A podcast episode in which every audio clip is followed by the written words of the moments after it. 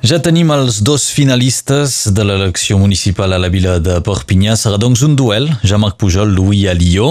És d'aquesta cita electoral que parlarem a continuació. Ho farem amb el sociòleg Gauthier Sabrià, és el nostre convidat. Bon dia. Bon dia. Doncs un duel, eh? Finalment, dos candidats s'han retirat, Romain Grau, Agnès Langevina, i ens trobarem amb aquesta configuració, doncs l'actual balla contra uh, Louis Alió, l'extrema dreta, també a les portes de l'Ajuntament. Comentem aquests fets. Primer de tot, um, un comentari al voltant del fet que es retiressin Romain Grau i Agnès Langevina. Bé, això és, era previsible perquè, uh, bé, de fet, ens retrobem exactament en la mateixa configuració que, que fa sis anys. És a dir, els dos únics candidats que de, del, del 2014 que s'han quedat al 2020 són els que un altre cop passen a la segona volta. Uh, és a dir, que veiem un nou esquema que s'està dibuixant a, a Perpinyà.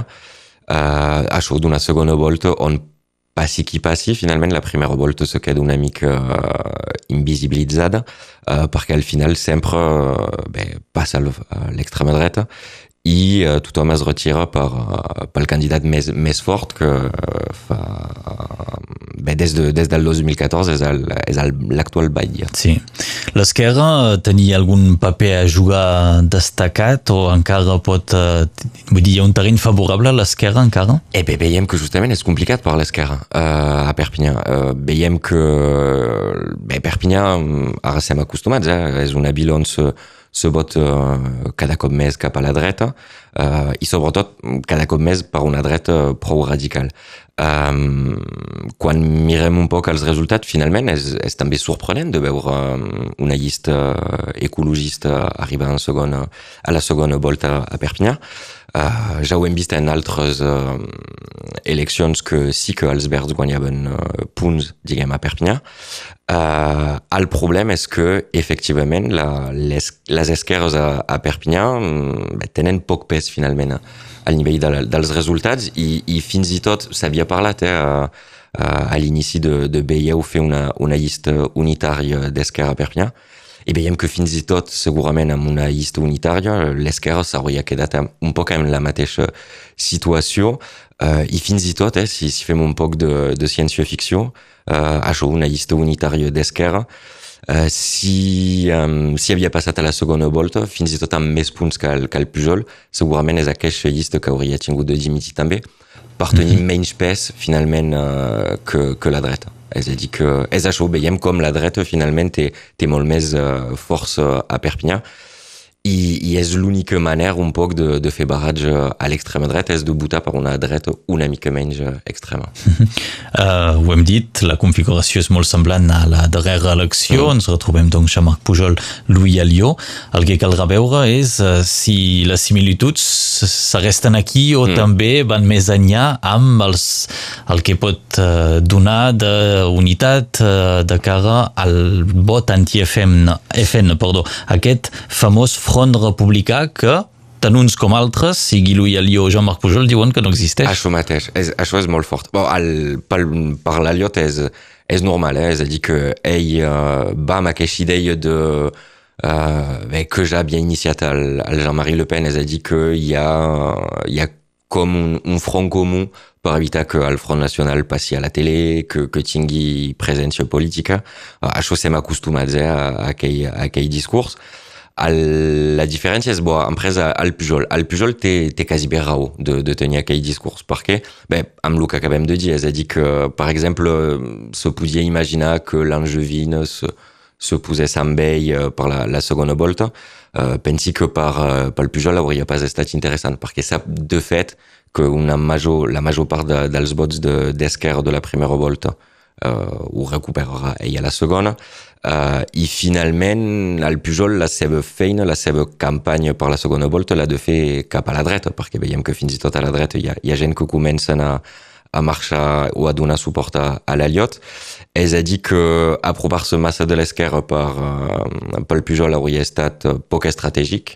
Uh, llavors millor per ell dir no, no, no, no, ells s'han retirat, mais... Uh, mais voilà, podem pas parlar d'un, d'un com es diu, eh, d'una aliança sagrada de, de, dels altres partits uh, al meu voltant. No, no, ell té, té raó en la seva estratègia de, de guardar el seu cap uh, cap a la dreta. Mm -hmm. deies que Pujol té clar que recuperarà una bona mm. part del vot d'Esquerra, però el Partit Comunista doncs, crida a votar Pujol, diu que és la, la solució contra l'extrema dreta, però també posa un toc d'atenció, diu la ràbia de l'electorat d'esquerres no ha de portar menys tenir el perill que representa l'arribada de l'extrema dreta a Perpinyà, és a dir, mm. gent que n'està d'esquerra fart i refotut d'haver votar a dreta, doncs que potser diguin doncs aquest cop no.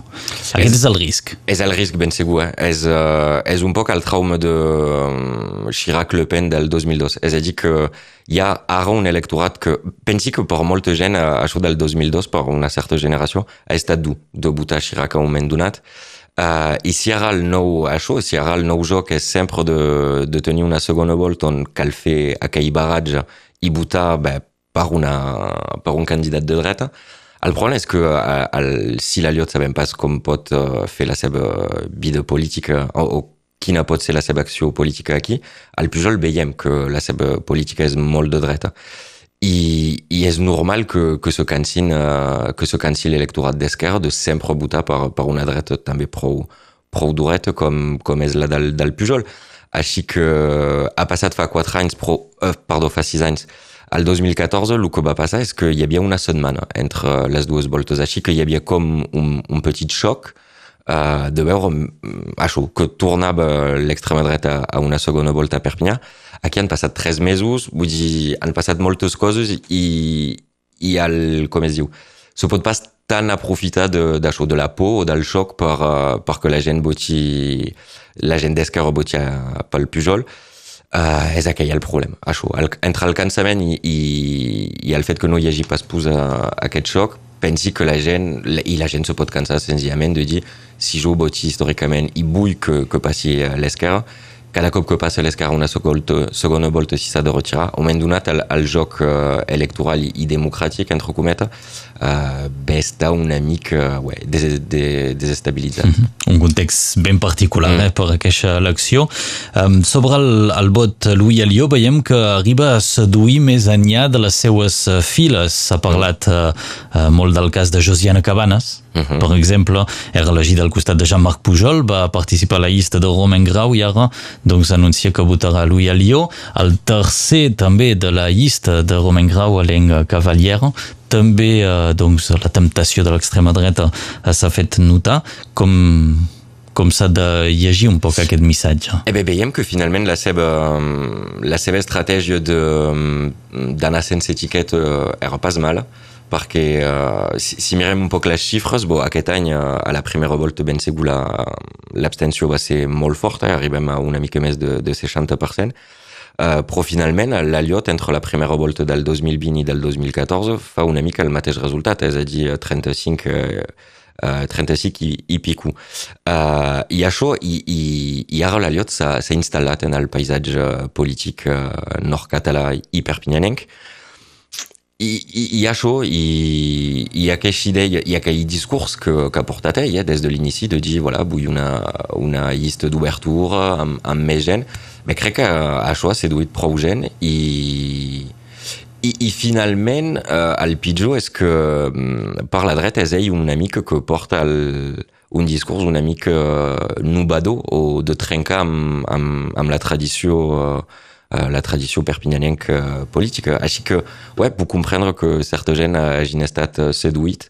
I això, quan pots portar i, i pots mostrar que tens gent fort del teu, de les teves files uh, històriques, bé, ouais, fas, fas menys por a certes persones i, i, i finalment i finalment veiem com les seves xarxes han canviat també. Ara també hi ha, hi ha una part del, del, de la petita burgesia perpignanenca que s'interessa a l'Eliot, Uh, hi ha una part també del, del món uh, més de, de la patronal que, que s'interessa una mica més a l'Eliot i aquí també és, és el gran canvi uh, que, que s'ha fet aquest any. Quan, quan generalment, perdó, quan generalment aquesta petita burgesia anava més aviat cap al, cap al Pujol.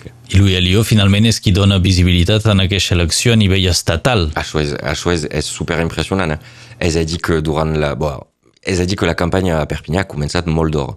Uh, han vingut uh, peixos gros, diguem, de la política estatal, uh, el Martínez de la CGT que venia fer manifestacions de nit a Perpinyà, hem vist molts candidats de, de les presidencials, Uh, i, i, i és això, és a dir que el, pensi que el, el símbol més fort és, és France 2, uh, el 15 de març, que comença la, les telenotícies donant el, els primers resultats que dona són el, els resultats de, de Perpinyà. I això pensi que malgrat tot té un, un paper uh, en els resultats. A dir que ens han uh, un poc... Uh, a dir que tota la premsa tant estatal com, com local, ha parlat molt d'aquestes eleccions i finalment bé, fa també passar um, aquesta idea que a un moment donat haurem de, de passar quasi per, pel Front Nacional. És a dir que fa sis anys sí últim moment hi havia uns quants de Perpinyà, primera gran vila frontista, però que ha començat uh, quasi bé des del gener que els mitjans de comunicació ens fan passar aquell missatge que, que veieu podem passar a l'extrema dreta, i amb això d'un costat i el que acabem de dir que bé, han passat tres mesos entre les dues voltes, pensi que també la gent de Perpinyà bé, hi, ha, hi ha una part de resignació, que hi ha gent que diu, bon, bé, ja està, és, és així i, i haurem de passar, i potser passarem a mans del Front Nacional. I hi ha una tercera cosa que sabem pas, és sabem pas tampoc quina serà bé, el nivell d'abstenció per aquesta segona volta. Podem imaginar que certes persones bé, guarden un petit trauma de, la primera volta, d'un govern que diu d'anar a votar i que dos dies després eh, eh, comença el confinament. Podem imaginar que certes persones, bé, per castigar un poc al govern, aniran pas a. Així que és, és una mica complicat per, uh, per aquest cop d'endevinar de, uh, com serà el resultat de, de la segona volta. Uh mhm. -huh. En tot cas, sigui l'un o l'altre, hi ha temes compartits o tendències que van en el mateix sentit. El tema, el discurs de, de seguretat, per uh mhm. -huh. exemple, Josiana Cabanes ho ha posat endavant entre els arguments de per què votarà l'Ui a Lió, doncs també el tema de, de la seguretat.